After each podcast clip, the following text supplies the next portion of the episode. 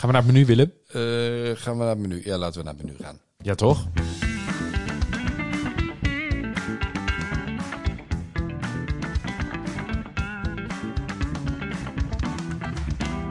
Oké, deel 2.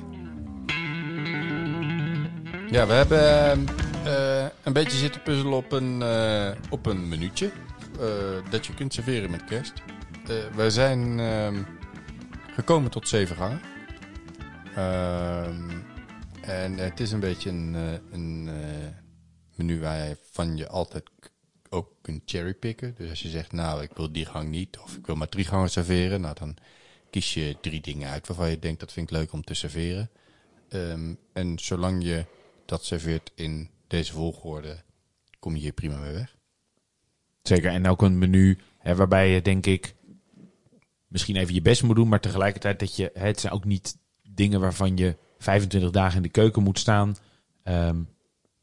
Ik denk dat dit eh, te doen is. Ja, je kunt het goed voorbereiden, de meeste dingen. Ehm, het is ook redelijk makkelijk in enig volume te bereiden. Dus nou, ja, ik, denk, eh, ik denk dat eh, iemand die een beetje houdt van koken hiermee wegkomt. En ja, mijn aanname is toch dat de meeste mensen die deze podcast luisteren enige keukenhandigheid hebben. Ja, of dat aan het ontdekken zijn en Oh. hier natuurlijk een paar mooie dingen uit kunnen kiezen en eh, nou ja, aan de slag kunnen. Ja, en er zitten ook wel echt een paar simpele dingen, relatief simpele gerechten tussen, waar je, nou ja, eigenlijk nou, misschien ook niet zo heel erg nat op kan gaan. Klopt. Wat je, wat je wil zeggen is dat je eigenlijk je eigen regels heel goed gevolgd hebt eh, bij het vaststellen van dit menu. Mm, nou, ja, dat sowieso. Maar, nee, maar, maar we, we hebben wel gerechten. We, we hebben wel, want we hebben het samen samengesteld. Ja. We hebben wel gerechten uitgezocht die je gewoon goed kunt voorbereiden. Ja, Hè, ja. dus eh, ook als je voorbereiding dan niet helemaal soepel gaat, dan heb je ook nog wat mogelijkheid om te herstellen. Kijk. Oké, ik, Gaan we ben- van ik- ik ben benieuwd. Ja, nou, Ja, ik ben, ja. eh, We gaan Mooi. van start, hè, we gaan van start. We beginnen ehm, met eigenlijk nou ja, een voorgerecht, maar je zou het ook als een amuse kunnen serveren. Oesters. Ehm, geweldig mooi product. Eh, lokaal, hè, tenminste. En zeker als je in Zeeland woont, natuurlijk eh, eh, prachtig. En sommige mensen vinden het allemaal misschien ingewikkeld, oesters. Hè, daar hangt toch een bepaalde mythe omheen van oh, niet lekker of ingewikkeld of spannend of eng. Ehm, ga met die oester aan de slag. Het is echt een super mooi product. Het is onwijs lekker. En als je nou gruwelt bij het idee van rauwe oesters, daar hebben we ook wat voor. Ehm, we gaan lekker met die, eh, met die oesters aan de slag. Hou jij van oesters, Willem? Ja, ik, eh, ik ben er wel gek op. En ik, ja, ik, ben, ik ben ook wel eens in Zeeland geweest om ze zelf te rapen. Dat kan gewoon. Hè. En op de Wadden kun je ze ook zelf rapen. Dat is echt best wel cool. Dan krijg je wel echt van die... Ja, dat zijn vaak van die grote. En die moet je vaak half los bikken. En neem je dan in, in een emmer met water mee naar huis. Dus het is wel een hoop geklooi. Eh, maar ook wel echt vet cool. Eh, dus ja, mocht je in- in de dagen voor kerst nog tijd hebben... dan kun je ook gewoon zeggen... ik ga lekker zelf mijn oestertjes rapen. Hè? Ja, je mag volgens mij eh 10 kilo mag je meenemen. Eh, Dat is fors hoor. dat is heel fors. Dat is heel fors. Ehm, maar dus zonder dat men daar, eh, daar wat van vindt. Dus dat is echt superleuk. Eh, maar we gaan aan de slag met die oesters. Wij pakken voor deze oesters nemen we Zeeuwse kreuzes. Eh, uit Zeeland komen twee soorten oesters. De platte en de kreuzen. Ehm kreuze is eigenlijk een beetje die, die, die ja, beetje wild gevormde oester. Hè? Een beetje grillig is die. Eh, met een plat, platte bovenkant en een bolle onderkant. En de maatvoering, hè, want die is met platte en met de kreuzes loopt die eigenlijk tegenovergesteld. Bij de kreuzes is de 0 is het grootst en de 6 is het kleinst. Eh, dus we gaan eigenlijk van, eh, van, eh, van, van groot naar klein. En we hebben twee bereidingen. We doen oesters rauw en we doen oesters gebakken. En natuurlijk ben je vrij om te variëren. Als je nou denkt, die oesters rauw vind ik allemaal heel spannend. Bak ze dan allemaal lekker. Hè, en, je kan daar, en als je denkt, ik vind oesters rauw super lekker. Doe ze allemaal lekker rauw. Alles is goed. Ehm, voor de rauwe oesters zou ik eigenlijk grote 3 en 4 kiezen. Misschien zelfs 5. Eh, en mocht je dat nou voor de eerste keer eten, hè, kan je ook die zesjes kopen, die kleintjes. Eh, dat is misschien net wat minder eh, intimiderend. En voor de gebakken oesters zou ik eigenlijk tweetjes en drietjes kopen. Dan zijn ze wat, is het, is het vlees van de oester wat groter. En als je dan gaat bakken, want dan verlies je natuurlijk altijd best wel veel vocht, dan hou je ook iets meer over. Ja, je, je als je zegt gebakken haal, is even kort door de bloem. Ja, uit de schelp, droog maken, bloemen en lekker in de roomboter bakken. Gaat super snel. Klinkt wel lekker. Ja, maar het is ook echt Ja. heel lekker. En eh, wat echt ook, hè, laten we eerst even op dat bakken even inzoomen. Oesters openmaken. Nou, er zijn eindeloos veel YouTube-filmpjes als je dat nog nooit hebt gedaan. Doe Maar- dat ook, want het is Maar bes- bestel wel alvast even een oestermesje, want dat Ja. helpt je. Daar doe je jezelf echt een plezier mee. Ja, en altijd eh, een doek in je hand. Hè, dus een theedoek. Vouw die in vieren. Leg die in je hand en leg daar de oester in. En waarom? Als je met het oestermes aan de slag gaat, een oestermes is best wel scherp. En als je ofwel uitschiet, ofwel de schelp breekt af. En het gebeurt echt een keer. Dan zit je echt in je hand. Ik heb een keer een collega gezien waarbij het oestermes aan de andere kant van zijn hand er weer uitkwam. Dat is echt geen, eh, dat is geen leuke start van het, eh, van het kerstdiner. Want dan zit je op de EHBO. Niet doen. Dus een doek altijd. En dan kan je ook gelijk dat mesje, kan je, even, kan je hem even mooi even afvegen. Om te zorgen dat het gruis, of dat kleine beetje zand Als je hem erin steekt. eh, Juist, dat je dat er goed eh, af, kan, eh, af kan halen. Maar met dat bakken, dus je, haalt, je maakt die oesters open. Hè, dat is moeilijk om uit te leggen. Dus kijk daarvoor even een YouTube filmpje. Je haalt die oesters, haal je eruit. Je snijdt mooi even dat sluitspiertje los. Je droogt ze. Je legt die helemaal klaar. En ondertussen, hè, vaak tijdens kerstdiner staat de oven aan. Doe die oesterschelpen voor de gebakken oesters. Doe die eventjes twee, drie minuutjes in de oven. Dan is de kou eraf. Dan zijn ze ook een beetje droger. En heb, Dan is niet je gebakken oester als je hem inlegt weer gewoon meteen steenkoud. A, is hij niet steenkoud. B, blijft hij ook lekker even warm. En ik doe dan altijd ook een beetje groen, bijvoorbeeld van een bosui. Een beetje bakken als garnituur. Dat er onderin. En dat, nou ja, met die roomboter, een klein beetje dat ui-achtige. En dan die gebakken oester, daar word je echt... eh, ja, ik word daar gewoon heel, eh, heel blij van. is echt super lekker. Ja, tof. Ja, ik, ik moet zeggen, ik, eh, ik heb het wel, eh, ik eet het wel, wel gebakken, maar de keren dat ik het heb gedaan, heb ik het ook altijd wel met een saus gegeten. Ja, dat, dat kan natuurlijk ook. Je kan allerlei lekkere sausen erbij Met een maken. Hollandaise of zo onder in de schelp en dan je oester erop. Dat is, Ja, heerlijk. Ja, dat, Heerlijk, maar er zijn weinig dingen die Hollandaise niet natuurlijk extra lekker maken. fair enough, fair enough. Hey, en, dan, en dan de, de rauwe oesters. Ehm, zoveel mogelijk vocht eruit. Want het ding is al zout genoeg van zichzelf. Ja. Doe je daar verder nog iets mee? Met dat vocht? Nee, nee, met de oester. Eh, doe je ze gewoon helemaal zo? Doe je met peper? Doe je met citroensap? Doe je... Uh, als ik iets doe, zou ik het niet doen alvast op de oesters. Ik zou eigenlijk eh, die oesters, als je ze rauw geeft en je wilde iets bij doen, ik zou altijd een pepermolen op tafel zetten. Misschien wat schijfjes citroen die je kan uitknijpen. Ehm, als je het lekker vindt om een vinaigrette te maken, hè, van bijvoorbeeld super klassiek, maar van rode wijnazijn. Of misschien nog wel lekker de frambozenazijn. En daar een heel fijn gesnipperd shallotje bij. Maar als je gaat kijken, je hebt eindeloos veel eh, eh, dressings, garnituren, eh, dingen die je er allemaal bij kan doen. Maar ook hier, ik zou oppassen, hè? want volgens de drie gulden regels van Willem, hou je in het begin rustig. Het is het eerste gerecht. Dus ga niet all out met jalapeno pepers en dat soort dingen. Hoe lekker ook. Maar als je een zeven gangen menu maakt, begin rustig. Ehm, want je wil daarna ook nog wat proeven. Ja, en ehm, eh, ik vind het heel mooi en ik, eh, ik, ik neig naar om dan te zeggen, oh, dat is best wel leuk als je dat als eerste gang serveert. Hè, voor iedereen een rauwe oester en een gebakken oester. Ehm, dan, mis ik, dan loop ik een beetje vast in mijn hoofd op de gulden snede, want dan zou je zou eigenlijk drie dingen willen serveren. Of niet? Ja, drie keer gebakken, drie keer rauw. Of doe je ze na elkaar? kan. eh, kan. Kijk, als je.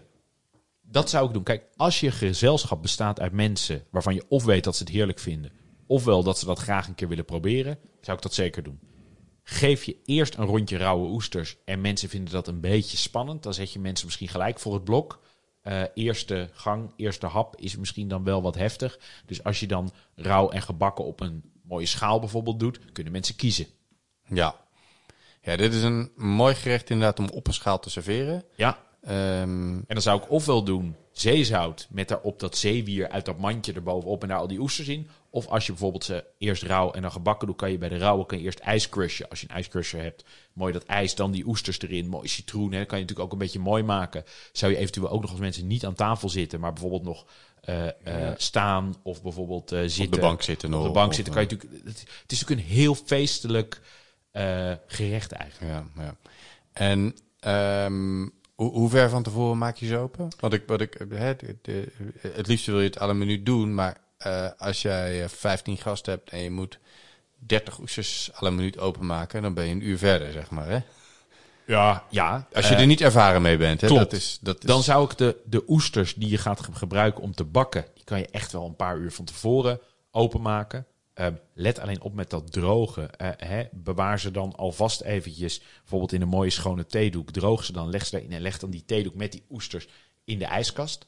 Dan blijven ze super cool en dan ben je helemaal eh, klaar. Schelpjes kan je al schoonmaken, maar ik zou toch die, de oesters voor die rauwe oesters. Ik weet dat er sommige mensen anders over denken, maar ik zou dat toch ehm à la minuut doen. En als je daar dan niet comfortabel genoeg bent, eigenlijk weer precies hetzelfde als wat je ook in het begin zei. Heb jij nog nooit een oester opengemaakt? Niet doen met kerst. Nee, nee dat, dat, dat inderdaad niet. Maar goed, ook, ik bedoel, ik kan me ook voorstellen dat mensen dat wel hebben gedaan. En dat ze denken, oh, dat kan ik wel. Maar eh, het kost wel tijd, hè? Als je er niet zo ervaren mee bent. Klopt. Klopt. Ehm, maar eh, je, je zegt dat is je, dat is, eh, je zegt dat er ook mensen een andere mening op nahouden. Ik weet dat er Mijn sommige... chef zei ook altijd, nou ja, een uurtje van tevoren kan prima, hè? Ja. Dan kun je, voordat je gasten komen, kun je ze al open hebben en hoef je niet, hè, als je, en ik zou, ja goed, en vooral als je echt veel gasten krijgt. Kijk, als je zes gasten hebt, zes oestertjes trek je wel zo open, zeg maar, hè? Maar als het er 15 of 20 zijn, wordt het wel, eh, dat is wel, dat is wel gas geven. Zeker. Ehm, en misschien proeven mensen het niet terug. Maar ik vind ook met oesters, hè, als die gasten dan zijn en ze zien jou die oesters openmaken. Het, ja, ik weet niet, het, is ook een beetje onderdeel. Het, voor mij is het misschien hetzelfde als je ergens binnenkomt en eh, de fles wijn is al open. Hè, dan kan je allemaal goede redenen voor hebben. Maar ik vind het ook leuk en gastvrij. En het is ook onderdeel misschien van de magie van het koken. Ik vind, ja. Ja. ik vind het mooi als je de tijd hebt, als je het kan, als je er comfortabel bij voelt om dat à la minuut Ja. te doen. Eh, het is En, echt en niet anders kom je ermee weg om het eerder te doen. vanzelf. Dat ja. is de game. Ja, Precies. Oké. Ehm, en ja, hier, hiervoor, hier zou ik inderdaad qua opmaak ook niet zoveel doen. Zet gewoon je schalen neer. Ehm, en zorg dat er voor iedereen, eh, voor ieder wat wils is. En die oesters zien er al geweldig uit. En ook, hè, ook met kinderen, denk niet, oh, een rauwe oester, dat lusten ze niet of dat eten ze niet. Bied het gewoon aan. Ehm, eh, en bijvoorbeeld, hè, mijn zoontje is dus gek op die gebakken oesters. En als we bij de visboer nu lopen, zegt hij oesters, oesters. Het is echt superleuk. Ehm, want een kind heeft helemaal niet die associaties erbij dat dat misschien ingewikkeld is. Oké. Gang 2, Willem. Gang 2, ja. Ja, dit is eh, een gerechtje dat ik eh, ook niet zelf heb bedacht. Maar het, is een, klassiek gerecht van eh, Alain Passard. Alain Passard is een chef uit Frankrijk die drie sterren kookte. En toen dacht nou, ik ga vanaf nu alleen maar groente doen. Ik hou op met vlees. En eh dat heeft hij al een tijd geleden gedaan. En hij heeft een... het is een klassiek eh, groentegerecht van hem dat hij het hele jaar door serveert. maar dan met andere groenten. Eh, staat bekend onder eh, eh, ja, zijn, volgens mij het groentetuintje. Ehm, het is een heel mooi gerecht met, dus een, met eigenlijk een, een basis dressing. met dus een variëteit van groenten. Ehm, in de zomer serveert hij het met tomaat. Ehm, in het voorjaar kun je het met groene asperges en dopertjes en dat soort dingetjes serveren. Ehm, en in de winter, eh, ja, met kerst, eh, ja, veel biet, eh koolrabi, dat soort dingen. Dus dat, dat, dat is een beetje aan groente wat erin gaat. Ehm, maar de, de dressing is, ik, ik zet er ook wel even een filmpje waarin hij dat ik zelf verteld. Dat is best wel leuk om te zien. hoe je die, die klassieke dressing maakt. Honing, limoen, olijfolie, ja, en wat peper en zout, that's it. Maar het is een hele frisse dressing. Ehm, hè, dat past ook wel in eh, nou, ja, hoe je, hoe je zo'n menu opbouwt. Ehm, en ehm, wat ik heel leuk vind bij dit gerecht, ik weet eigenlijk niet of hij dat ook altijd zo deed, maar wat ik heel leuk vind bij dit gerecht is eh, verschillende bereidingswijzen van groenten combineren. Dus je kunt eh groenten roosteren, je kunt groenten grillen, je kunt groenten koken. Als je eh, zo'n sous stick hebt, kun je ook groenten sous garen met kruiden erbij. Ehm, snij het een beetje in mooie grove stukken. Ehm, en eigenlijk wat je doet is, je, je zorgt eerst voor een, eh, voor een bodem op, het bord met die dressing. Ehm, dan leg je al je groenten er mooi verspreid op. Ja, het, is een soort tuintje. Het ziet er heel vrolijk uit. Met zorg dat je verschillende kleurtjes hebt. Eh, ik zorg ook altijd dat ik iets van bladgroenten erbij heb. Hè, dus dat het dus ehm, eh, ja, een beetje eh salade Mescloen, ja. Mestloen, eh, rucola. nou ja, ook net een beetje wat je lekker vindt.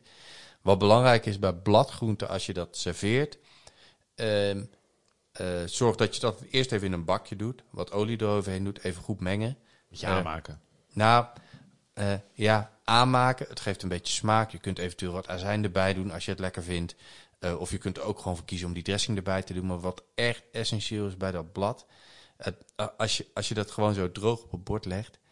eh, ja, dan, dat, dat ziet er niet uit. Het ziet er een beetje zo dof en een beetje... Ja, dat ziet er gewoon niet smakelijk uit. En op het moment dat je het door, alleen al door wat olie haalt, dan gaat het glimmen. En dan ziet het er meteen prachtig uit. Dus het, dus het is heel leuk om eh, wat van die blaadjes zo erop te leggen. Ehm, dus dit is, dit is een gerecht. De dressing kun je helemaal bereiden. Eh, de groenten kun je eh, ja, koud, lauw, warm serveren.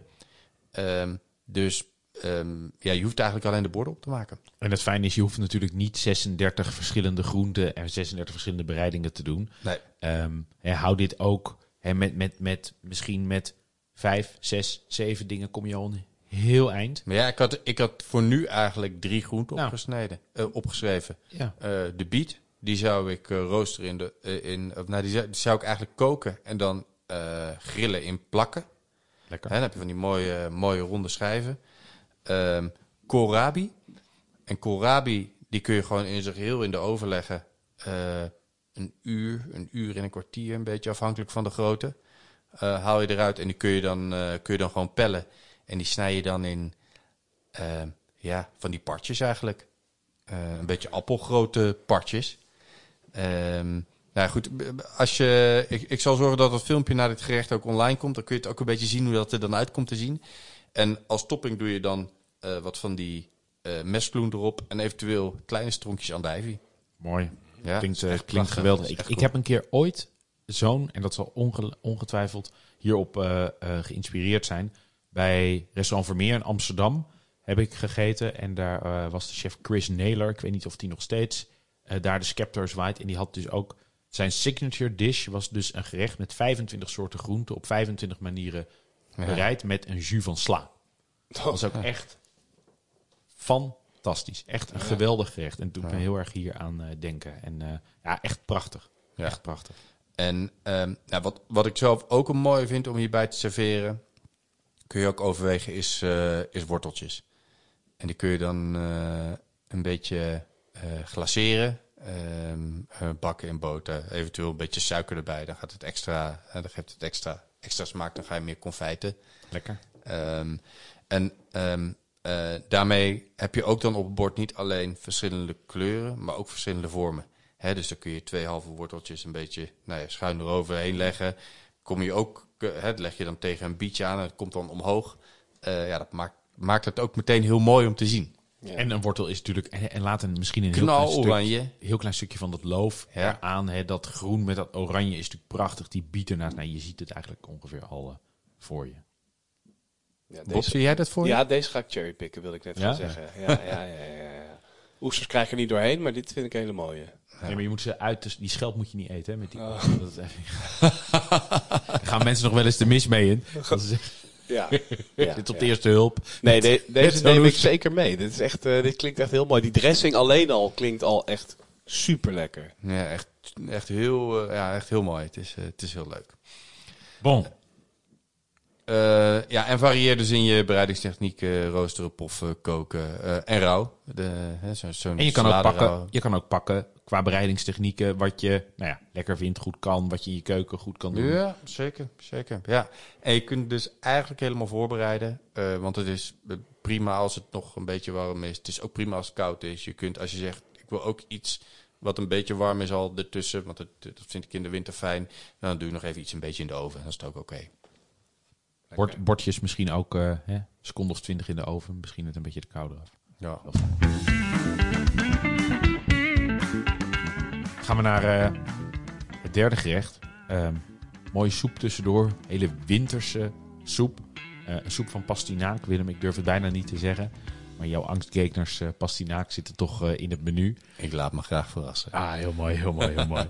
Uh, ik, ik zelf vind pastinaak echt geweldig. Ik vind het heerlijk. Ja? Um, los van, ja, ik vind het echt oh. heel mooi. Ja, ja, ja. Los van mijn liefde met 3 oktober om, daar, om ze door de hutspot te doen.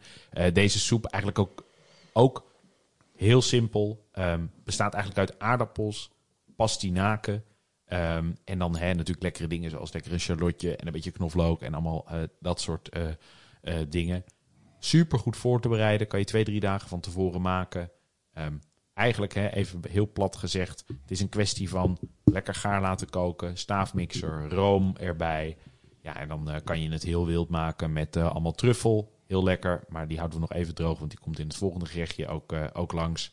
Um, en dan ja, die soep, hè, omdat je hem zo goed kan voorbereiden, maar hij is echt ook echt wel winters. Hè. met winters bedoel ik vooral, hij is rijk, vol, creamy, maar dus ook zwaar.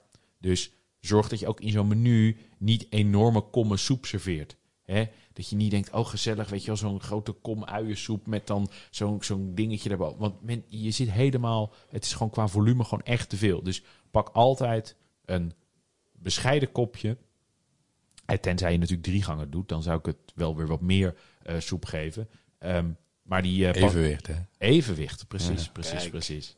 Um, maar die pastinaaksoep, um, natuurlijk moet daar ook, hè, het is ook mooi om daar nog wat in te doen. Uh, ja, maar dat, dat, wil, dat wil ik nog zeggen, want ik, ik vind persoonlijk bij een, bij een soep vind ik het wel heel mooi en heel fijn als het ook een garnituur heeft. Ja. En als je die ook kunt zien of duiden of zo. Hè? Dus um, ik, zou, ik, ik zou er bij zo'n soep naar neigen om te zeggen, ik serveer het in een diep port. Ja, ja uh, zag ik ook gelijk voor. Ja, maak je, soep moet, is het wel extra belangrijk, zeker als je het in een diep bord doet en je serveert niet te veel, dat je bord warm is, want anders is het meteen koud soep. Ja.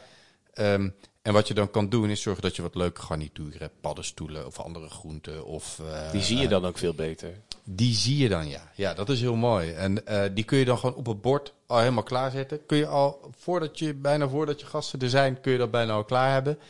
Um, en je giet je hete soep erop en klaar Kees. Ja, en als je het nou helemaal leuk wil doen, hè, dat je dus niet met die hete borden moet lopen.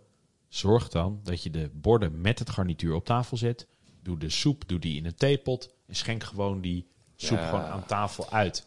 Ja, Superleuk. Heb je geen gedoe. En ook niet, die, dan ook niet, oh, dan moet een onderzetter. En dan kom je met die pan en allemaal heel ingewikkeld. Maak het niet uh, te moeilijk. Ja, en, en um, je bord blijft ook veel netter. Je krijgt niet allemaal van die randjes en zo. Ja, precies. Um, omdat, je, omdat je heel netjes met zo'n, met zo'n, met zo'n ja, of, het, of een theepot of een kannetje. Maar dat je heel mooi netjes heel dicht bij het bord in het midden zo kan schenken. Je hebt, geen, je hebt niet dat je met die borden loopt en het dan nog half over de rand heen gaat.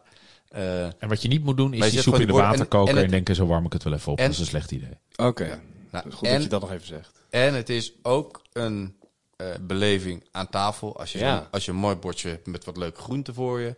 Uh, en de, komt, de kok komt aan tafel om de, om, het, om de soep op te gieten. Maar het is eigenlijk heel makkelijk. Het, ja. het brengt heel veel gemak. En het ziet er veel uh, ja, luxer, culinairder ja. uit. Juist. Win-win-win. Win-win. Zeker. Geniaal, doen. Ja, dus uh, dat is uh, niet. Hè, en als je zegt, ik eet vlees, doe daar lekker hè, spekje, een dingetje, een, een mooi. Ja. Je kan ook een gedroogd nou, stukje serrano. Dat ja, dat bijvoorbeeld ook. Hè. Je, kan, je kan bij dit gerecht ook heel mooi uh, gewoon een, een stuk spek of bacon uitbakken. Ja, en het gewoon zo op de rand van het bord leggen. Ja. Uh, nou, schenk je de soep naast, kun je dat zelf, zelf, de, zelf doseren. Doe je, en doe je op die, uh, uh, op die bacon doe je een, gewoon een, be een beetje peterselie of zo. Hè. Het is meteen heel veel mooi en kleur en feestelijk. En, Wat voor peterselie zou je dan doen? Groene. de platte, ja, de platte. Jij probeert oh, een beetje okay. in te lokken. Hè. Ja, nee, dat merk ik. loop wel even mee. Hè. Ja, dat is goed, dat is goed, dat is goed. En wil je hem vegan houden, hè? lekkere paddenstoelen. Um, en dat, uh, dat, dat, dat kan zijn uh, uh, van, een, van een fijne kastanje champignon totdat je denkt, nou, ik maak het helemaal lekker, lekker met eekhoorntjesbrood. Is dat, denk ik, is dat nog vers te verkrijgen, Willem? Nee, is een beetje klaar, hè? Nee, dat zou ik niet doen, nee. Nee, nee. het is... Um, nee, dat zou ik niet... dat niet aan beginnen, nee, niet aan beginnen. Nee, zou, zou, ik, zou, ik, me niet aan wagen. Ik zit even te denken wat je daar, wat je daar verder. Uh, ja, het is misschien wel mooi om daar ook bijvoorbeeld van die. Uh, ik, zou er, ik zou er iets groens in doen ook. Dat is mooi. Gewoon, Zeker. eh, een eh, groene kool of palmkool of boerenkool of... Hè? Je kan ook nog hele mooie gefrituurde eh palmkools, denk ik heel lekker. Dan heb je ook nog iets krokants erin. Is, is, is, denk ik, is denk ik mooi. Ehm, je kan ook nog met schorseneer mooie chips of schorseneren maken. Is ook, is ook Ja. leuk. Nee, maar het, het, het heeft wel iets, eh, in, in kleur ook iets roods, of, roods en of groens. Hè? Dat, dat, eh, eh, en als je dan je witte soep opgiet, nou, dat is, is het meteen kleurrijk. Gelijk feest. Ja, Ja. Oké, dus eigenlijk alles eh, mogen mensen lekker zelf weten, maar die theepot naar de tafel, dat is een, dat is vind je een, mooi, dat is een bindende tip. Ja, nou, de tip, dat maakt, ah, maakt voor jezelf echt precies zoals je zegt. Het maakt het makkelijk. Ja, Het ziet er goed uit. Je hebt geen gehandels met die pan. nee. Eh, dat, is, een- dat is een goed idee. Wat overigens ook een goed idee is, doe daar nou niet vijf sneden wit stokbrood bij. Ehm, is een vuller die je eigenlijk gewoon kan overslaan. ja. En eh, hè, zeker als je een groot menu maakt, doe daar eh, voorzichtig mee. En als je iets met brood wil doen, maak dan een mooie crostini. Lekker met olijfolie en met eh, hè, over dat het een beetje krokant is, want dat kan die soep echt eh, goed gebruiken. ja, dus kun je of met zo'n stukje bacon inderdaad, of met een crostini erbij. En, maar dat is ook mooi, want als je die, als je die crostini gewoon hebt, die leg je op je bord. Nou, als je dan heel voorzichtig zo die soep ernaast schiet, dan gaat hij vanzelf omhoog. Dat is Ja. prachtig. Het is heel feestelijk. Staat hij zo ook op jouw lijst? eh Ja, ja, misschien, met, eh, misschien nog met andere soepen en vullingen of zo hoor. Maar pastinaak vind ik eigenlijk ook... gewoon niet. Nee, pastinaak vind ik ook wel heel lekker. Maar het, de manier waarop en het idee, dat, eh, dat, ja, dat, dat- daar ga ik wel filmpjes van, van sturen. Ja, van schoonmoeder met een theepot in de hand. Ik kijk uit naar de volgende aflevering. Ja, dat wordt mooi.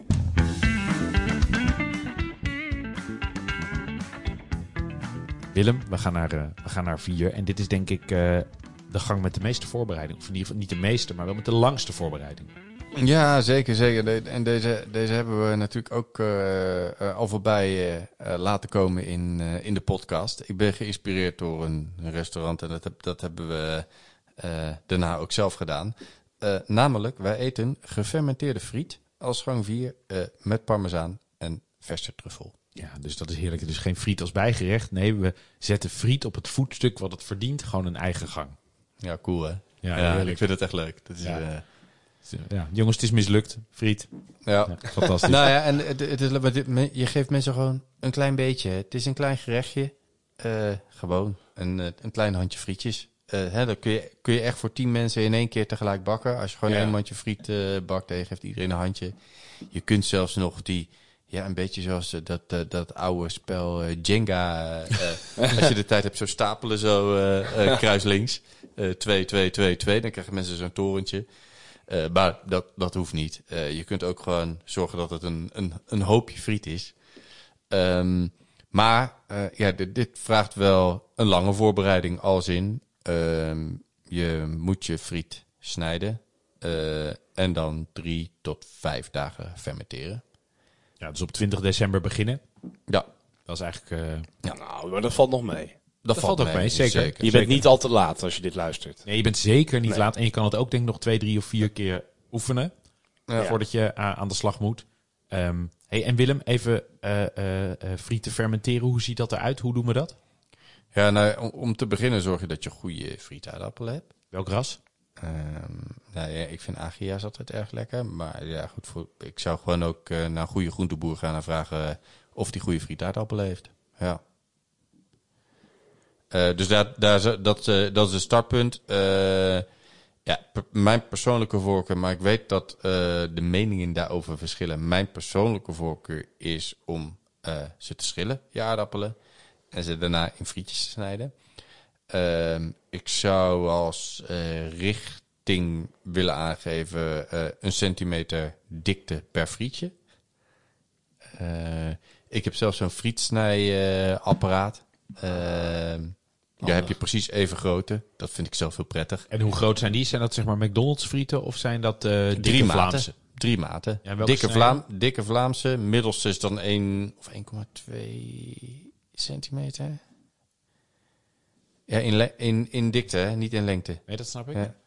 Zou dat niet 7 mm zijn? Nee, nee, nee. Dat, eh, dat zijn de Fransen volgens mij. Zes of zeven, zoiets. Ja. Maar goed, drie maten. En eh, ja, die, die middelste is, is voor mij de, vind ik, eh, vind ik optimaal. Ehm, en eh, ja, dan moet je, moet je dat op water leggen. Zorgen dat het helemaal onder is met water. Eh, zorgen dat je dan weet hoeveel gewicht dat totaal is. Dus als je dat in een pan doet, zorg dat je van tevoren even weet hoeveel je pan weegt. Zodat je het eraf kan halen. En dan 2 gram zout per 100 gram. Oké. 2 gram. Dus 20 per liter. Ja. Ja. Ja. Ja, dus ongeveer 200 per 10 liter. Ja, ja precies. Dus ongeveer, dus ongeveer 2 kilo, 2 kilo per hectoliter. ja.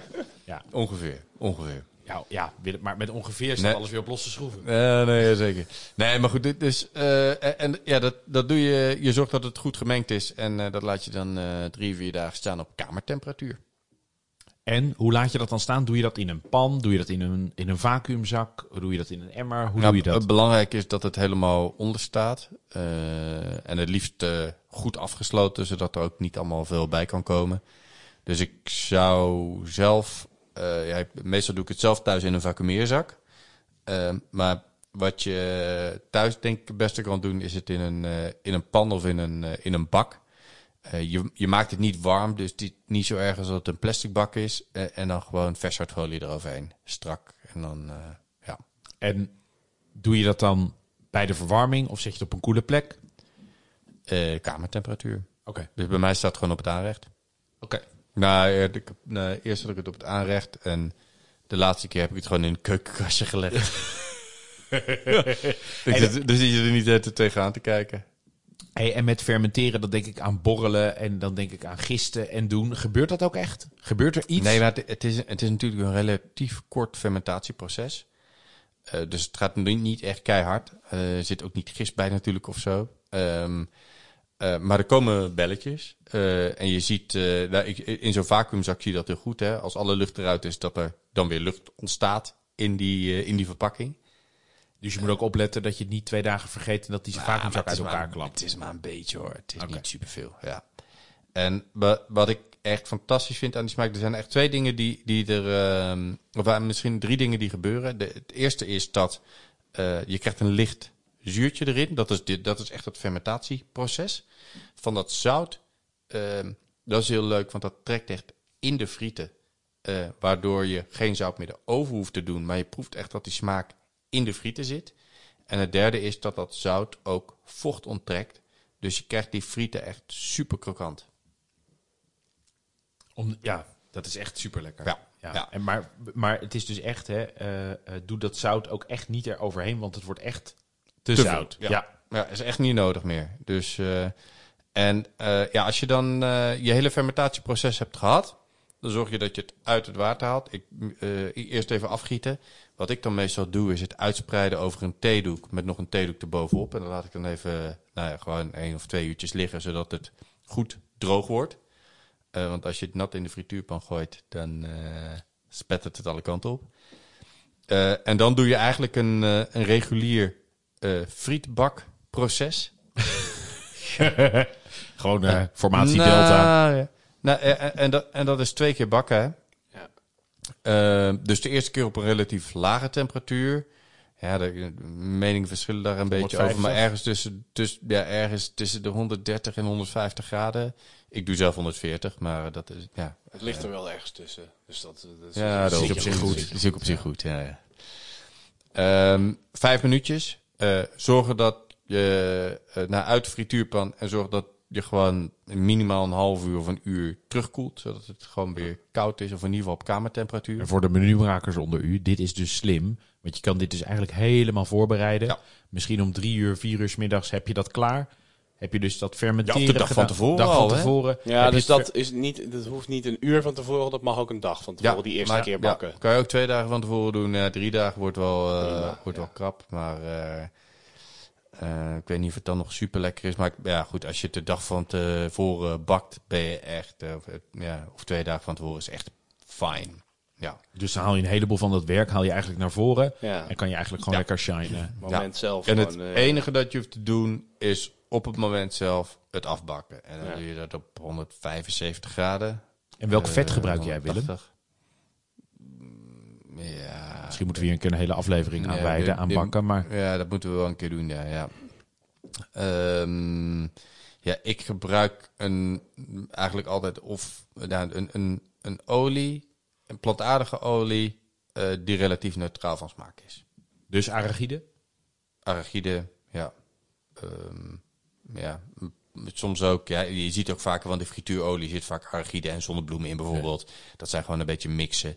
Dat zijn prima safe olies. Eh, Ja. Let, let, op de, let op altijd op de verpakking dat er niet stiekem nog palmolie in zit. Eh, red onze planeet, bak niet in palmolie. ja. Kijk. Nou, over Red de Planeet gesproken. Nou, Eh, nou nee, maar, maar, ehm, eh, en, en wat je dan dus, doet, dus nog doet, is vier minuten afbakken eh, op eh, eh, 175, eh, 180 graden. Als je geen frituurpan hebt, kun je ook frituren gewoon in een, eh, in een pan. Hè? Eh, je moet alleen even een thermometertje hebben eh, om je temperatuur een beetje te reguleren. Yes. en dan eh, met parmezaan en truffel, Willem. Hoe ziet dat er verder uit? Is dat er gewoon overheen schaven daarna? Ja, ja dat, dat is het. Oh, wat lekker zeg. Ik heb er echt zin in. Ja, en die, ja, die, die, ja, die truffel, ja, ik vind dat echt fantastisch hierbij. Dus, eh, de- de- het is wel een beetje een all-in gerecht, hè. Hey, en doe je, er, doe je er nog, want ik weet, hè, als je dus hier bij Willem eh, en Roos eh, komt eten. En toevallig staat er iets uit de frituur op een menu. Dan komen er, komt er toch wel een sausenbar van heb ik jou daar op tafel. Of dan toch wel een mayonaise of drie, vier en allemaal lekkere dingen. Zit hier nog een saus bij Willem? Of zeg je dat wordt te veel niet doen? Eh, ja, ik zou het wel doen, ja. Ik zou wel doen. Ik zou een beetje mayo erbij serveren. Gewone mayonaise? Mm, ja, ja. Maar ja, voor, voor wie dat wil. Kijk, de, en, het liefste, nou ja, het liefste iets een beetje zurige mayo. Dus niet, niet zo'n zoete Hollandse. Dus eerder naar een Belgische gaan. Ja. Ehm, en gewoon een klein toefje ernaast. Ehm, Lekker. Ja, ja, dat, eh, maar, maar ja, dat is misschien ook mijn persoonlijke voorkeur. Maar ik vind saus, want ik, het geeft ook heel mooi dat contrast tussen warm en koud. Tussen dat knapperige van de friet en iets heel romigs. Hè? Die, die twee naast elkaar is, eh, ja, dat, vind ik, dat is super complementair en heel lekker. Heerlijk. We gaan eh, door naar de volgende. Wat, wat vond jij van de gefermenteerde frietjes? Want ik heb ze laatst Ja. voor je gemaakt. Super lekker. Ik vond het, wat ik er heel mooi aan vond. Het gekke is, als je me blind zou laten proeven, zou ik niet zozeer zeggen gefermenteerd, maar zou ik eerder zeggen, het lijkt gepekeld. Maar het heeft toch ook, het is behalve dat het dus heel, in, heel hoog op smaak is, is het ook heel lekker. Het heeft bijna iets umami-achtigs, wat er dan in die aardappel zit. Ik vind het eerlijk gezegd lekkerder dan gewone friet.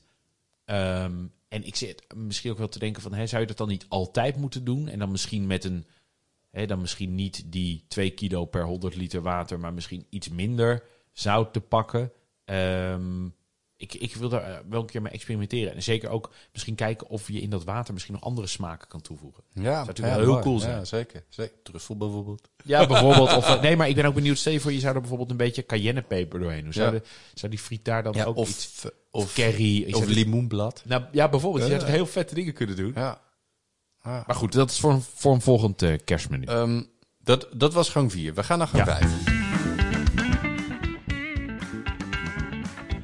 Ehm, we gaan eh, naar Tarbot, eh, Willem. De tarbot. De Tarbot. Heerlijk, heerlijk, Die is, heerlijk. die is met kerst eh, prachtig in het seizoen. Dus dat is heel, heel mooi om, om mee te werken. Super mooie vis. Ja.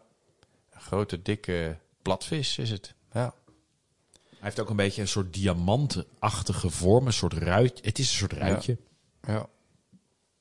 Ehm, ja, en je hebt er speciale pannen voor. Daar- Is dat zo? Daar, daar Ja, waren we toevallig net naar speciale aan het pannen. kijken. ja, nee, van dat, de, dat linkje moet je echt even in de show notes erbij zetten. Ja, dat gaan we doen. Het is van uh, Moviel, een, een, een Franse producent volgens mij uit 1830. Die maakt koperen pannen en die heeft een speciale turbotière. Dus een Turbotière. turbotière. een speciale pan voor tarbot. Ja, In de vorm van een tarbot waar die gewoon precies in past. waar die precies in past. eh eh, halve meter eh, lang. Dus dat is ook echt eh, eh, nou ja, uit de tijd dat de tarbotten nog echt eh, groot waren.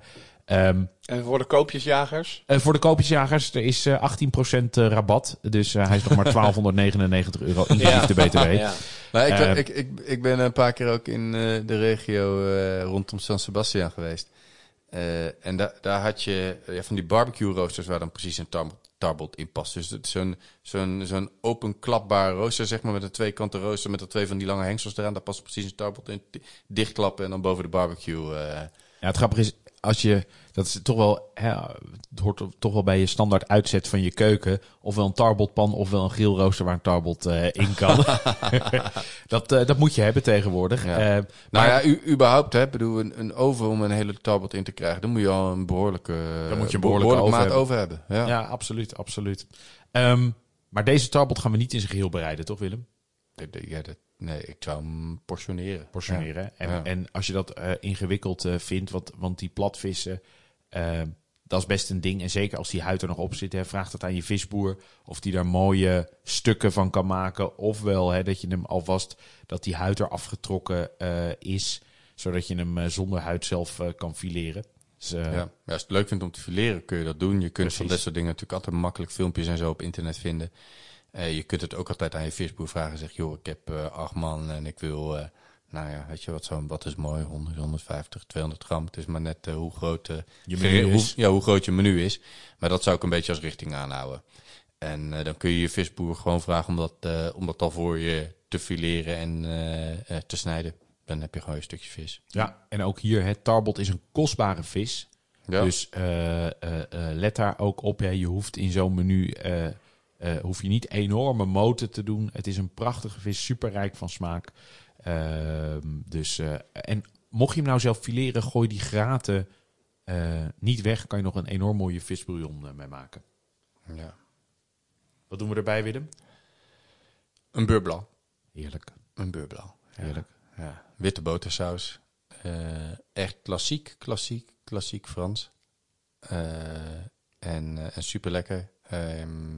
Je begint eigenlijk met het maken van een eh gastriek. Ehm, en eh, ja, goed, er zijn vast ook heel veel recepturen voor. Maar wat ik meestal doe is eh shallotje, laurier en wat peperkorrels. En dan je wijn, witte wijn. inkoken tot ongeveer een derde van wat je had. En dan heb je basis gastriek. Dan kun je hem afgieten door een, door een zeef. Zorg dat je even lekker ook je, eh, de uien en zo eh uitperst met een lepel. Zodat al het vocht eruit is. Want er zit natuurlijk heel veel, eh, heel veel smaak in. En dat is eigenlijk de, de basis voor je saus. Dus een basis voor heel veel sauzen.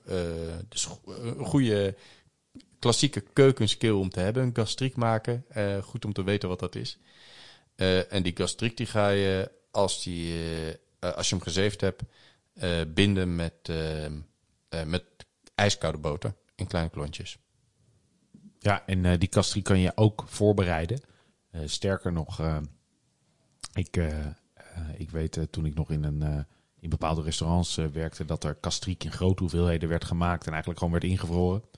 Eh, ofwel in ijsblokjes, dat je dat al van tevoren hebt gemaakt, dat je dat tak, tak, tak gelijk kan gebruiken. Eh, ook dit, hè, maak dit een keer van tevoren. Zo'n beurre blanc eh, is, eh, is eigenlijk niet heel ingewikkeld. Maar eh, als je hem een keer gemaakt hebt, helemaal niet ingewikkeld. Nee. Nee, en wat, wat, eh, wat je vervolgens gaat doen is eh, boter in kleine klontjes erbij voegen.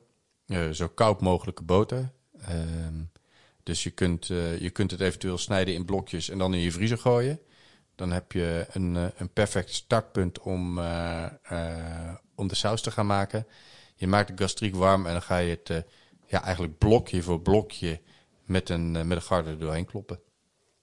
Eh, en dan zul je zien, ja, eerst kleurt de saus wit en langzaam wordt hij steeds dikker en dikker totdat je een mooie, dikke, romige saus hebt.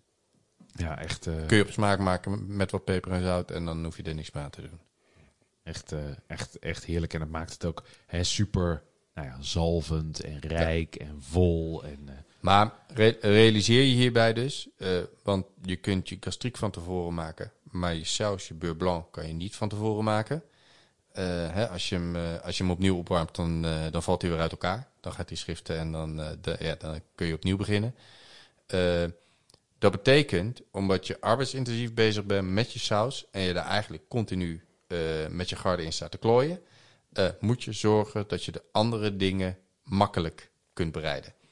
Ja. Hè, dus wat je bijvoorbeeld kunt doen eh, met die tarbot is zorgen dat je die kort hebt aangebakken en dat je die ondertussen in de oven schuift terwijl je je beurre blanc staat te maken. ja. En eh, eigenlijk hetzelfde als hè, we- Met die geconfijte worteltjes die, hè, die, we, die we Ja, erbij... daar waren we nog niet, maar die, die gingen we erbij Precies, serveren. die gaan we Ja. erbij doen. Die kan je natuurlijk ook voorbereiden. Ja, ja, die hoef je eigenlijk alleen maar op te warmen in de oven. Kijk, de tarbot kun je zelfs nog, want dat, dat zou ik wel doen, die zou ik echt op hoog vuur heel kort aanbakken. Dan heb je de buitenkant mooi gebakken.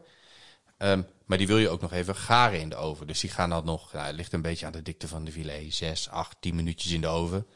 Eh, totdat je een goede garing hebt. Ehm, eh, ja, de- dus, dus dat kun je gewoon van tevoren helemaal eh, voorbereiden. eh, maar dat wil je nog wel garen. Ja, en die worteltjes hoef je alleen op te warmen in de oven. Ja. En eh, doen we er nog een garnituur bij, Willem?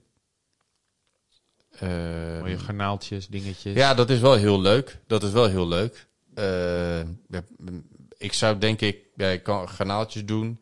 Eh garnaaltjes vind ik zelf, nee, mm, is misschien iets voor de hand liggend. Ik zou zelf, denk ik, wat kokkeltjes erbij serveren. Eh, Heb je ook nog wat te doen aan tafel? Nou ja, drie, kokkel, drie kokkeltjes per persoon, denk ik. Hè? Dus, en heel simpel, gewoon even bakken in een beetje boter of olijfolie. Scheutje wijn erbij, deksel erop, is in drie minuten klaar. Dus dat kun je op zich prima parallel aan je beurre blanc doen. Of als je beurre blanc al klaar is, eh, dekseltje op je, op je saus. eh kokkeltjes even maken en ondertussen kun je dan je bordjes op gaan maken. Eh, kun je de saus eroverheen doen. Als laatste doe je gewoon op elk bord nog even drie kokkeltjes. Bovenop, bovenop de tarbot. Tom. En mocht tarbot er nou niet zijn, een goede vervanger van tarbot is griet. Ook een mooie platvis. Ehm, dus hè, mocht de tarbot niet verkrijgbaar zijn of echt onbetaalbaar, eh, kan je ook altijd nog eh, griet pakken. Pop, Ja, gaat dit het redden? de tarbot. Ja. Ja, Of, ja. heb, je die, of, of, of Nou- heb je die pan nog niet? Die, die pan eh, zit ik net te bestellen inderdaad. Dus dat, eh, dat, eh, Die is er moet- voor de kerst. dat moet op zich geen probleem meer zijn. Snap ik. Ja, ja, ja, ja, ja. Het is wel eh, spannend. Dus dan zou ik hem wel nog een keer, nog een keer daarvoor al eh, willen gaan eh, proberen. En, eh, en doet vis het goed bij jou aan tafel met het kerstdiner? Of is het zei hij net al. Nee. Nee, nee, doet het niet goed. Nee, maar zou tarbot dan een goede zijn, Willem? Wat denk jij? Als je nou niet een doorgewinterde viseter bent. Nou, Het is niet heel vissig. Nee, toch? Nee. Helemaal Nee. niet. Nee, het is denk ik super rijk. ja. ja het is eh, m- mooie volle smaak, maar niet, eh, niet extreem eh, heftige vissmaak. Nee. Ik denk wel dat ik dan wegblijf van de kokkeltjes erop. Ja, die zou ik dan Dat, eh, gaat dan, dat gaat dan toch weer een paar scheve gezichten brengen. Wat dan gelijk de tarbot eh eigenlijk Disqualificeert, weer, ja, ja. precies. Ja, ja. Weer weer Ja. moeilijker maakt dan die, dan die misschien is. Ja, en ik had dus eigenlijk die. eh, dit is omdat hè, die, je, hebt, je hebt dan die witte vis eh, met een witte saus. eh, dus die worteltjes erbij. En ik Ja. had die eigenlijk ook nog spinazie bij gedaan. Oh, omdat, lekker, ja. Omdat dat, dat is echt heel. Die spinazie is super lekker bij zo'n beurre blanc. Eh, en bij vis. eh, maar geeft ook meteen een hele mooie groene kleur eraan. Dus heb je Ja. wat oranje, groen en wit. Nou ja, goed. Dat is net een vlaggetje. Ja. Zo'n vlaggetje die normaal in het kaasblokje eh, Ja. zit. Ehm, we, gaan, eh, we, gaan het, eh, eh, we gaan een mooi wildgerecht eh, maken. Gerecht nummer 6. Maar di- dit is de plat de resistance. Ja, zeker. Ik wil, zeker, ik wil zeker. trouwens nog even één stapje terug, want ik, ik, ik realiseer me nu. Ik had hier bij, bij, het, bij de tarbot had ik de geconfijte worteltjes erop gezet. En daarom had ik die niet bij de zoetzure groenten. Oh ja. Ja, want anders komt iets dus te veel terug. En dan Ja. moet je mooi Ja. variëren met ingrediënten, hebben we geleerd. Eh, Wilde wil- eend. Wilde eend. Eh, nou, zo, zoals eh, sommige van onze luisteraars weet, heb ik een soort, ben ik een soort een beetje aan het nadenken over hoe we nou, hoe ik nou allemaal met vlees en eten wel, niet, wel, niet. Ehm, en nou ja, ik, ik had eigenlijk voorgenomen van, hè, ik, ik, zou eigenlijk wel wild willen eten. Ehm, en welk wild dan? Nou ja, wild wat uit Nederland komt. En wild wat in het seizoen is. Eh, nog heel kort even, hè, waarom dan wel wild? Nou ja, hè, eh, er hoeft geen diervoeding bij. Het houdt zichzelf in stand. En het is eigenlijk altijd nou ja, in het seizoen en ook nog eens eh, vaak heel lokaal. En met kerst lijkt me wilde eend heel mooi. En ik had het twee, drie dagen geleden had ik het gemaakt. En dat was echt onwijs goed. Eh, sowieso met zo'n wilde eend. Het is een heel mooi beestje. Het is eigenlijk een veel kleiner beest dan je denkt. Want een, een, een gekweekte eend, die, nou, die, die kan wel bijna eh 1,8, 2, 2,2 kilo zelfs wegen. Maar zo'n wild eendje is 650, 700 gram. Hè, met botten en al, dus daar hou je helemaal niet zoveel van over. Maar als je alleen al, ja, het klinkt gek, maar als je aan die eend ruikt, hè, als die nog rauw ja, het, ruikt bijna naar kerst. Het is super vol. Echt, eh, echt wild. Ehm, maar kun je misschien ook nog even kort vertellen hoe je aan je wild komt? ja, Dat vind ik leuk. nou, ik Ik heb heb denk ik goed om, te, om even Ja. te delen, want dat kan iedereen doen. Dat kan iedereen doen. Je kan eigenlijk naar de slager en je kan zeggen ik wil een wilde eend. Je kan naar de poelier en je kan zeggen ik wil een wilde eend. Maar wat je ook kan doen is op eh, de jagersvereniging op de website Ja. kijken. Dan kan je op een kaartje kijken hoe, eh, wa- wa- waar zitten nou jagers om mij heen. Ehm, daar kan je dan een mailtje naartoe sturen. En dan kan je gewoon in contact komen met een jager. En eh, ik had gevraagd, hey, ik ben... in je contacten staan. Oh, je hebt geen jager in je contacten. Ik heb geen jager in mijn contacten. Eh, Siri die ging zich opeens met de podcast bemoeien. Ehm, maar het leuke is, dan kan je dus in contact... Begrepen. Nou is het klaar, Siri. Siri, af. Ehm, Siri heeft ook door dat de band al een tijdje loopt. Ja, dat is ongelooflijk. Siri voelt zich een beetje eh, eh, gepasseerd. Eh, maar je kan dus in contact komen met een jager. En het leuke is, dan kan je zeggen... hey, ik ben eigenlijk op eh, zoek naar ganzen of herten of eh eenden of duiven. Maakt eigenlijk niet uit. En dan, eh, dan kan je daar eh, kan je kijken of die jager wat voor jou heeft. Dat is spannend. Super spannend. Ja. Super spannend. Waar, waar zitten ze hier, de jagers? Ehm, in Warmond had ik er twee gezien. En die, ge- die, die geeft je vlees gewoon pan klaar. ja, Goud. Ja, Goud. En deze had Mooie nu tip. duif en haas. duif, haas en eend. Ja. En hij heeft soms ook ganzen. En het leuke is natuurlijk dat als je contact hebt met een jager en je denkt van hé, hey, hè, eh, bijvoorbeeld hert, volgens mij worden er weer best wel veel herten ook eh, afgeschoten. Nou, daar kan je van alles van vinden. Hè. Of je daar nou voor of tegen maakt eigenlijk niet uit. Maar het feit is dat het gebeurt. En ik zou zeggen, als dat dan gebeurt, zorg dan dat we die beesten met z'n allen opeten. Want anders is het zonde. Want dan gaan ze namelijk gewoon, nou ja, hebben wij spreken de vuilnisbak in. Ja. En dat is gewoon echt zonde. Dus wilde eend eh, van de jager. Eh, let op, kogeltjes kunnen erin zitten en zitten er ook in. Eh, zeg dat tegen je disgenoten. En zeker als er ook kindjes mee eten. Zeg dat echt goed dat ze voorzichtig moeten eten. Ja. Nou, ik had de boutjes eraf gehaald. Die had ik gegaard in de saus. Eh, die eend eerst op het karkas aangebraden. En let op, want met wilde eend, die huid is veel dunner dan bij een gekweekt eend. En bij gekweekt eend is het echt zo'n hele dikke huid en kan je daar best wel lang op bakken. Maar een, eh, een wilde eend gaat best wel rap. Dus we gaan hem kort aangezet daarna in de oven. Laten rusten. Daarna die filets van het karkas afgesneden. Eh, en daarna mooi getrancheerd. Ehm, ik had een garnituur van Kun je ook nog even toelichten wat trancheren? Oh ja, sorry. Tra trancheren is eigenlijk het schuin snijden in eh, nou, vaak toch, wel relatief dunne eh, plakken. Eh, zeker met zo'n één zo'n eentje.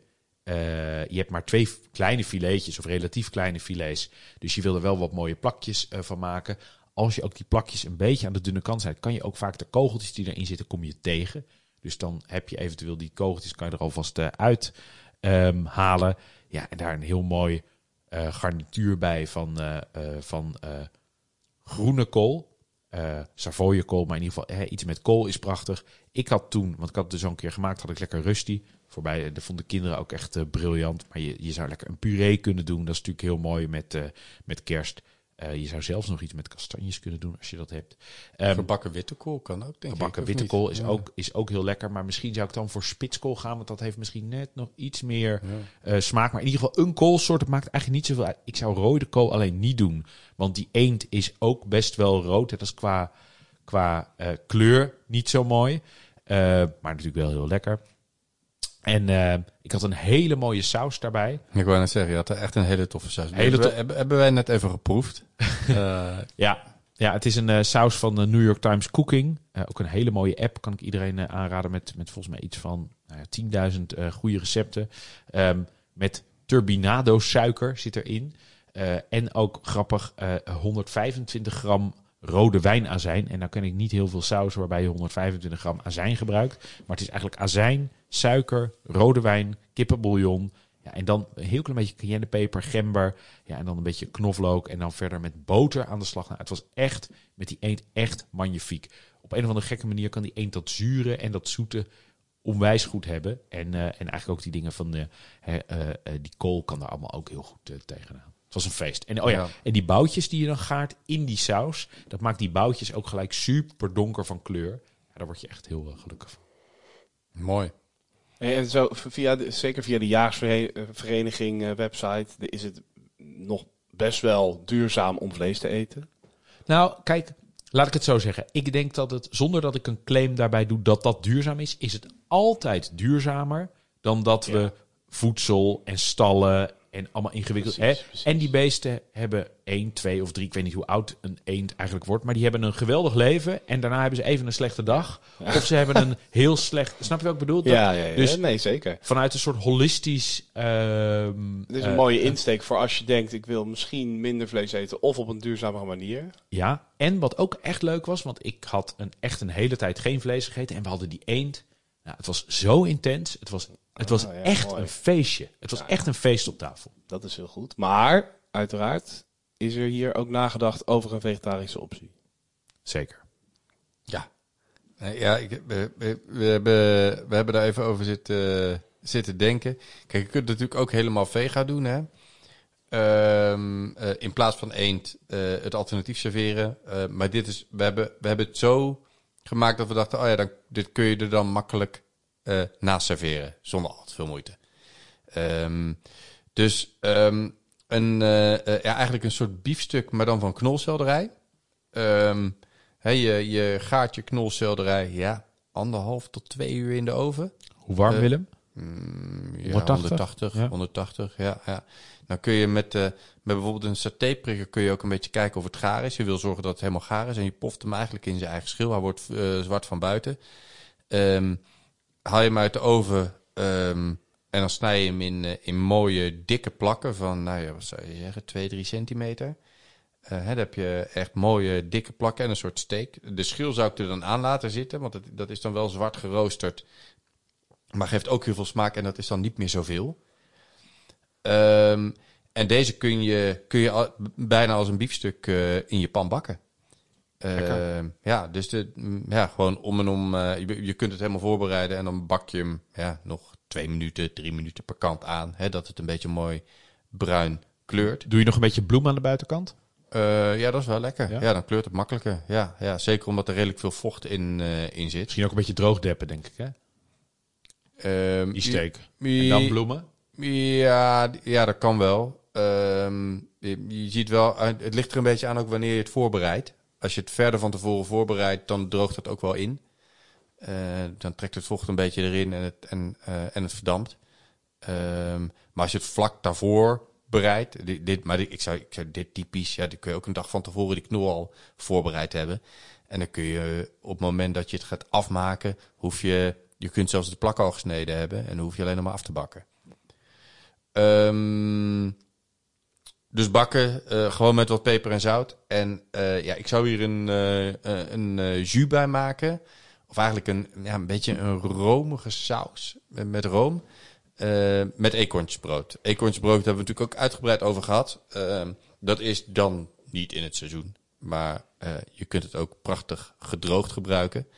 Ehm, dan heb je wat gedroogd eekhoornsbrood, doe je in wat lauwwarm water, eh, laat je kwartiertje staan, kun je het een beetje uitknijpen en heb je ja, echt een, echt een paddenstoelen bouillon. Eh, die, kook je, die kook je in. Ehm, met een eh, klein scheutje witte wijn. Ehm, zorgen dat het een, een, een beetje dikkig wordt. En dan een flinke scheut room erbij.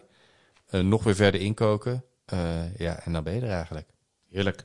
En Willem, stel je nou voor je zou niet dat gerecht met die frieten doen. Hè? Dus je zou frituren nog niet gehad hebben. Zou je dan ook die steaks eigenlijk kunnen paneren met panko aan de buitenkant en dan frituren? Of zeg je dat is een slecht idee? Dus dan doe je hem niet als bijgerecht bij die eend, maar echt als een vega-optie. En je hebt dan niet gefrituurd? Of zeg je dat dat wordt misschien te vettig? Ja, ik, denk, ik, Ja? ik, ik vind dat te vettig. Ja. Ehm, maar ik, ik, ik zou wel ook eh, bij dit gerecht zorgen dat je...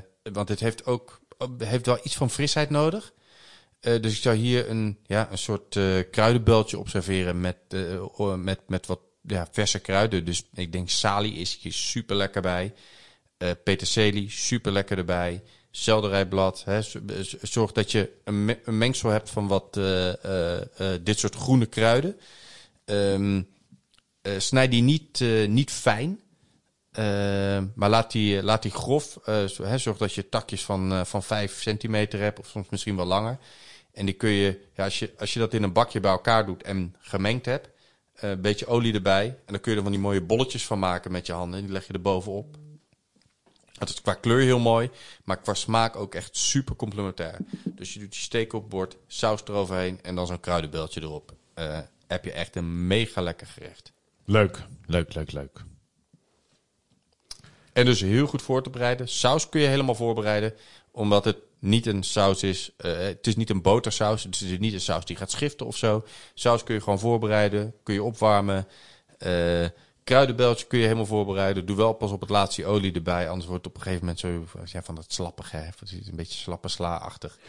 Eh, sla. maar je, je hoeft, je hoeft eigenlijk alleen die knolselderij steaks af te bakken in een pan. That's it. Ja, en eh, met die eend idem, hè. Dus die eend kan je voorbereiden. Je kan die boutjes eraf snijden. Die, je kan die saus maken. Je kan die boutjes garen in de saus. Doe dat trouwens een uur of anderhalf, twee, zoiets. En dan hoef je, hoef je eigenlijk hè, alleen nog maar... Die eend kan je smiddags al aan, aanbakken. Hoef je hem alleen nog maar in de oven te doen. Laten rusten en snijden. Eh, en dan, eh, dan valt het eigenlijk met dat werk best wel mee. Ja, ja die, en die, eh die knolselderij, dat is ook echt een super easy gerecht. Eh, maar wel ook echt een smaakbom. Waarvan ik wel durf te zeggen, die komt wel weg als pièce de resi- résistance. Heerlijk. Heerlijk. En dan gaan we naar de toet. De toet. Ja, nou, ja er zit eigenlijk nog eentje tussen. Die eh, gaan we niet uitgebreid bespreken. eh, omdat we daar denk ik nog wel eens een keer een hele aflevering aan wijden. Kaas. Kaas, Kaas, slaan ja. we even over. Ja. Hoe, Eh, lek- hoe lekker ook, maar hoe lekker eh, ook. we, we Eh, doen hem, we doen hem nu niet in het menu. Nou, nou we bespreken hem nu niet. Eh, mijn persoonlijke voorkeur zou zeggen, serveer altijd ook kaas. Goed. Ja.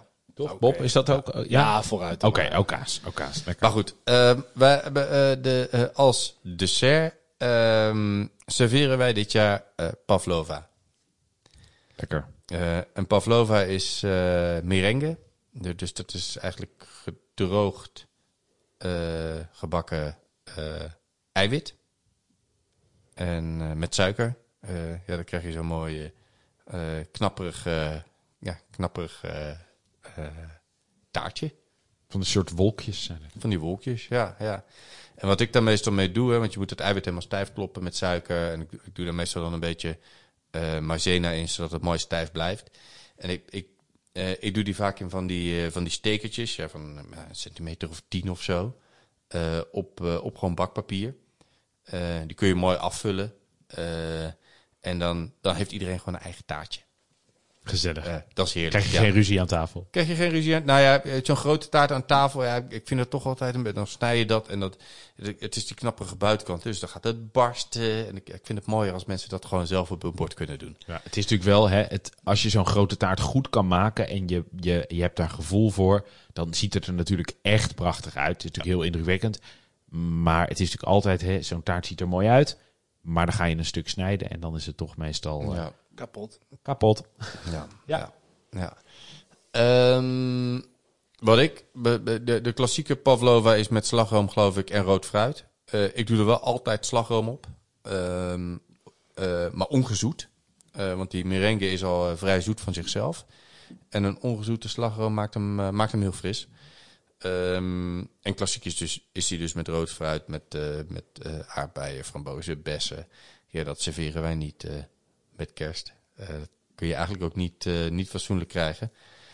Ehm, wat je wel aan, aan roodachtig fruit kunt krijgen, dat is wel zuur. Eh, dus daar moet je een soort kompot van maken, is cranberries. Ehm, wat je ook heel leuk kunt serveren is, is peer. Dus je kunt ja, gewoon peer serveren. Dat is echt prima erop. Maar je kunt ook stoofpeer maken. in partjes snijden en erbovenop. Ehm, en ik, ik kwam ook nog een ander grappig alternatief tegen eh, zoete popcorn. Super lekker. Ja, ja.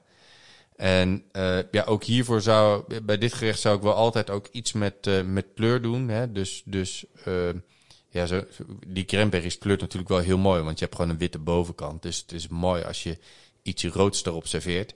Wat ik ook heel leuk vind, is om er ook iets groens bij te doen. Dus een beetje afhankelijk van wat je erop doet. Maar basilicum, eh, munt, eh, ja, dat is ook heel mooi.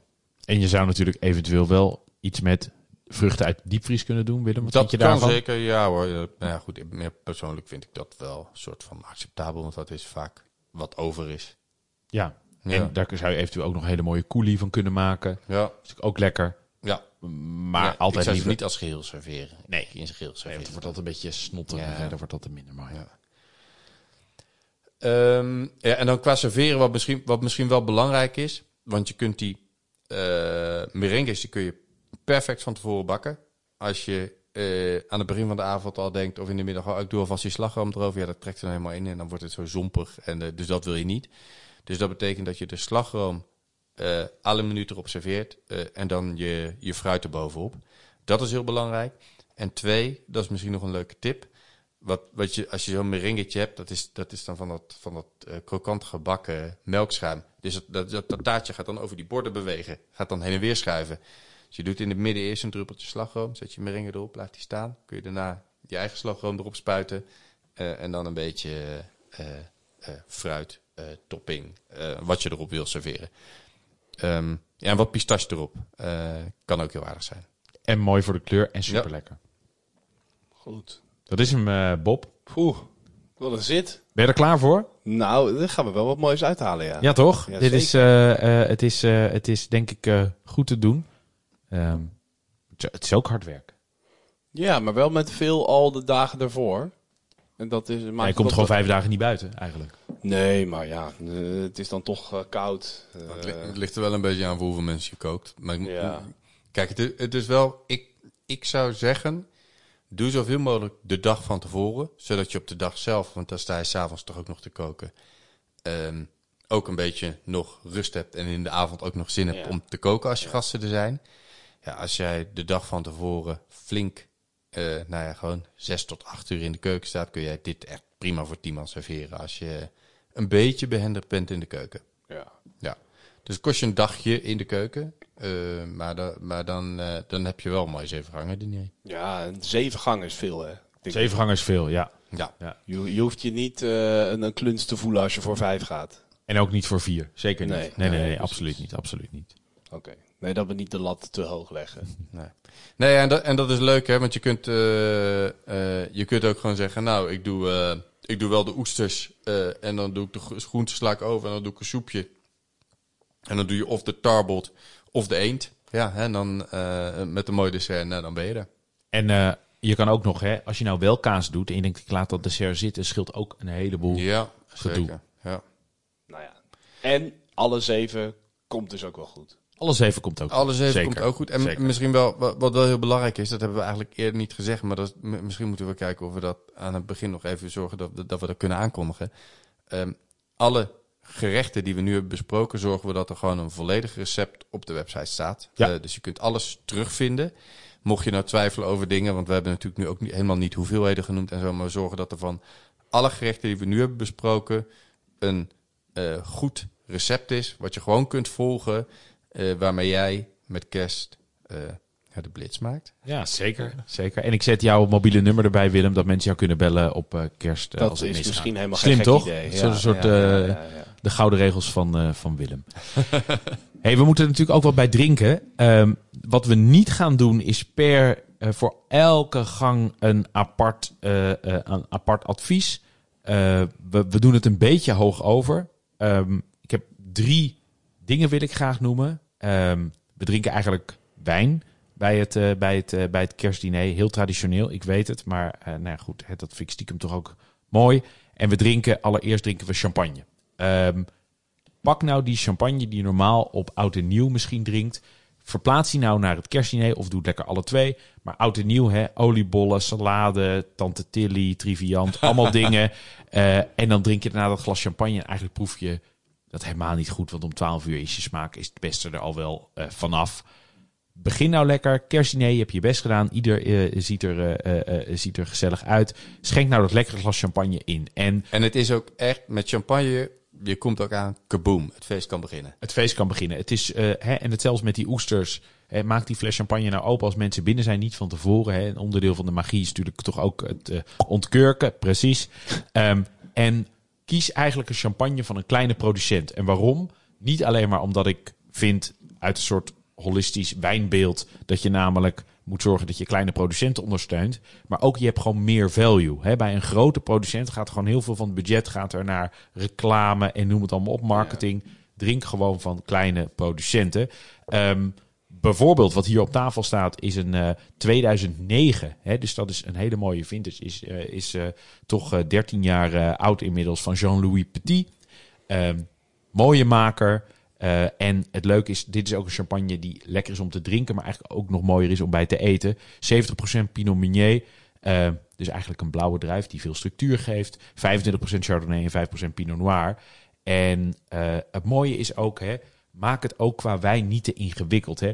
Je kan zeven gangen maken en zeven verschillende wijnen. Maar dat betekent ook allemaal andere wijnglazen, flessen openmaken. Allemaal ingewikkeld. Je kan ook denken, ik kies drie of misschien vier eh, eh, eh, wijnen en je Ja, schenkt ze doe door. Gewoon, doe gewoon een, eh, een, een, een champagne of een andere mooie bubbel. Doe een witte wijn en een rode wijn. Hè? Juist. En hoe, we dan, hè, hoe ik het hier bedacht heb, is pak nou bij de oesters en bij die zoetzure groenten, drink nou lekker champagne. Dat past echt perfect. Alle twee licht, eh, eh, eh, gaat hartstikke goed. En doe dan bijvoorbeeld hè, bij die... Ja, maar- Voordat je naar de, Ja. naar, de, naar de volgende wijn gaat. Want die champagne, ja, ik vind dat, heel, ik vind dat wel echt heel cool. En ik vind, want champagne is ook echt mega feestelijk. Zeker. Ehm, ik heb ook een bekende van mij, die gaat één keer per jaar gaat hij, eh, met zijn busje naar Frankrijk, met een autootje. En dan koopt hij gewoon eh, dozen champagne in. En da- ja, dat is dan tegen eh relatief lage prijs. Dus Ja. die koopt dan voor 15 euro de fles. En die zegt, ja, ik heb daardoor nu zo vaak dat ik denk, ah, we hebben iets te vieren, maar gewoon iets kleins. Dan kost je dan niet meteen 50 piek Nee. eh, voor een mooie fles of 35 piek. maar gewoon 15 euro. Hè? En eh, dat is heel En leuk. een super lekker glas. En een super lekker glas. En het is, eh, Sowieso goed devies hoor. Om gewoon iets vaker champagne te drinken of bubbels. ja. Juist. Maar het, het is, het is fijn eh, eh, om ja, dat dan enigszins betaalbaar te kunnen doen. Hè? Ja.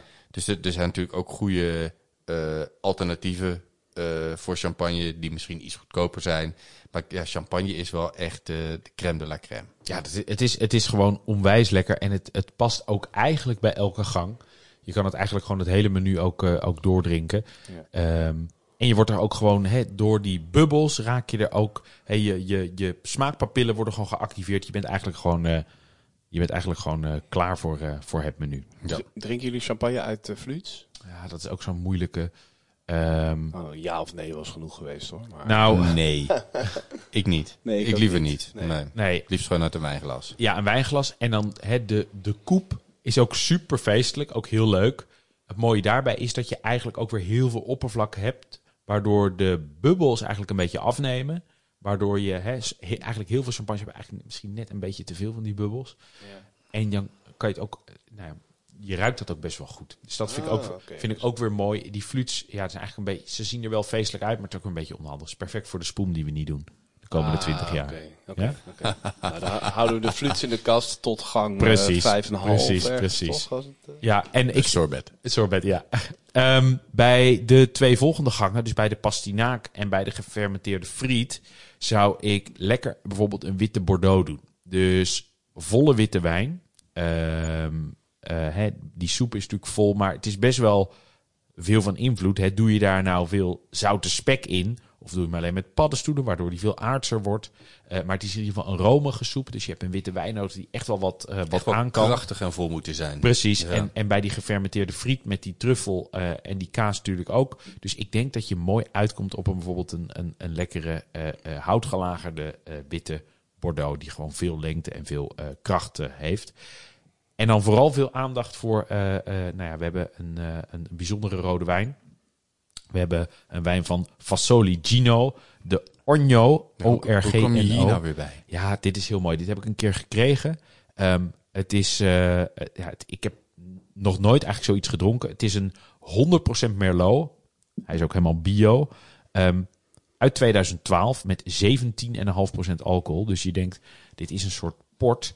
Eh, en die intensiteit heeft het eigenlijk eh, ook wel.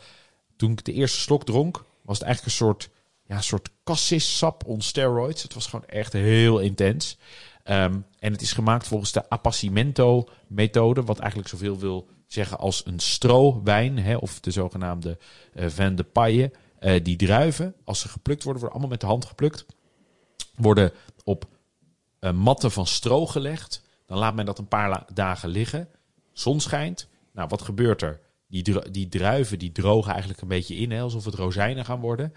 Ehm, dat betekent minder vocht. Minder vocht betekent meer suikers. Dan gaan ze persen. En als ze dan gaan persen, is dat sap super geconcentreerd en super rijk. Nou, als je dat gaat vergisten, dan krijg je dus deze eh, wijn. Wat eigenlijk, eh, nou ja, het is een soort wijn, wijnpuree. Ja, wat, wat ik heel grappig vind, het smaakt bijna alsof je inderdaad gewoon superverse druiven, of je die gewoon tot kasses hebt vermalen of zo. Alsof, alsof, Alsof, er een kilo zwarte bessen doorheen zit, toch? ja, Ja. ja. Ja, dat is echt eh, heel... Ja, en eh, alsof het, alsof het, bij wijze van spreken, of het gisteren geplukt is, zeg maar. Ja, en het leuke is ook, hij komt dus uit 2012. En deze die we, nou, die we, dat kunnen jullie thuis niet zien, maar die we nu hier proeven, die staat ook al ruim 2,5 dag open. Eh, en nog steeds, nou ja, alsof het gisteren eh, gemaakt is, terwijl het gewoon echt al 10 jaar heeft. Het leuke is ook, er staat achter op het label staat er ook eh 30 jaar gewoon drinkability, gewoon easy. Eh, en dat geloof ik ook wel, want ik denk dat dit over 15 jaar nog steeds prachtig is. Ja, zeker. Dus dit is eh, een enorme kanon. Leuke is, past denk ik perfect bij die eend. Hè, die ook een beetje dat, dat zoete gewoon heel goed eh, kan hebben. Past goed bij die saus, eh, maar ook bij die, eh, bij die knol. Eh, ik, ik- ja, dit is gewoon echt een prachtige wijn. En mocht nou alles helemaal de soep indraaien, eend eh, de deur uitgevlogen, alles aangebrand. Trek dan lekker nog zo'n eh, fles wijn open. Is het kerstdiner denk ik Ook geslaagd. ook geslaagd. Ja, dat, dat met zekerheid. Dus dat is eigenlijk nou ja, wat we jullie wilden meegeven over het, het menu. En als je nou denkt, ja, maar ik mis misschien nog een suggestie voor bij de kaas... of een lekker glas sautern bij die pavlova of weet ik wat. Ehm, we gaan ook in de show notes daar nog even wat eh, mooie dingen bij zetten. Ehm, maar Willem, was dit een eh, mooie dubbele aflevering? Ja, dit was een flinke, ja. Dat was Ja. echt een flinke, Ja, hè? Zeker, Echt, zeker. echt, Goeie echt een flinke. Ja, dat was een Goeie goede zit, zit. Goede ja. zit. Wat ga je eigenlijk maken met kerst, Willem? Ben je er al uit? Nee, nee, dat weet ik nog niet. Nee. Misschien moeten we eens eh, een podcast luisteren. Dat we misschien eh, wat kunnen, kunnen denken. Nee, maar, maar ehm, eh, ja, misschien maak ik hier wel wat van. eh, maar ik vind het ook altijd leuk om eh, ja, gewoon dingetjes zo te bedenken. Ja, maar toe, het, is niet allemaal set in stone. Behalve, maar het moet wel sowieso aan de drie gulden regels van Willem voldoen. Juist. En de voorpret is ook wat waard, hè? De voorpret is, eh, nou ja, ik, kijk, niet iedereen eh, eh, eh, duikt met zijn schoonmoeder het eh, kookboek in om daar eens even te kijken wat er gemaakt wordt, eh, Bob. Dus ik vind dat wel mooi. Weet je al wat je gaat maken nu? Ben je eruit? Nee. Nee? Ja, dan Nee. moet hij, hij moet het ook onderhandelen, Ik want hij gaat er nou, niet alleen eh, over. het overleg in. Ja. Oh, nu moet je de stuurgroep in. Ja, Ja, precies. ja, ja, ja. mooi, Ja, misschien moet je om te beginnen dan even de link naar deze podcast sturen. Dan eh, hebben jullie hetzelfde dus uitgangspunt. Ja, ja, dat is misschien helemaal geen gek. Hey, ehm, ik, ik zat me nog even af te vragen. he- Hebben wij al bedacht wat we de volgende podcast gaan opnemen? Jazeker. Ja? Ja, ja, dat hebben we zeker bedacht. Ehm, Goed. Over twee weken zijn wij er weer. En dan gaan we het over iets heel erg anders hebben. Dan gaan we het Dat hebben mooi, hè? over... Dat is nog steeds voor de kerst. Dat is Ja, nog dat steeds, nog voor de het is kerst. nog steeds voor de kerst, jazeker. Ehm en dan gaan we het hebben over trassie, Willem. Dat moet jij mooi vinden. Ja, dat vind ik prachtig. Dat vind jij mooi. Bob, trassie, wat vind je daarvan? Ja, het, dat gaat me enorm verrassen weer, denk ik. Geen verrassie, ja. Geen, geen, geen nasi zonder... Geen nassie zonder trassie, absoluut, absoluut. Maar wat dan wel handig is, de volgende aflevering, die is nog voor de kerst. Ja, Dus als je nou hebben we vandaag, eh, nou ik zit op de teller te kijken, er staat eh, ruim twee uur op. ja. Er zal iets minder van online komen, maar eh, als je nou nog vragen hebt, vandaag hebben we geen vragen behandeld. Maar als je nog vragen hebt voor de kerst, dan is dat wel het moment om die nog te stellen. Ja, Precies. dat kan zeker. Dat kan... eh, ja, we hebben... eh, ik weet niet wanneer we hem gaan opnemen. Maar, eh, nee, goed, we moeten- Ja, te- Stel vragen. Stel Wat- vragen, krijgen we het niet in de, krijgen we niet, krijgen we het niet in de, in de uitzending, dan krijg je per mail een antwoord. absoluut, absoluut. En in de tussentijd, eh, Willem, kook met liefde. Proef alles wat los en vast zit. En geniet met volle teugen. Cheers.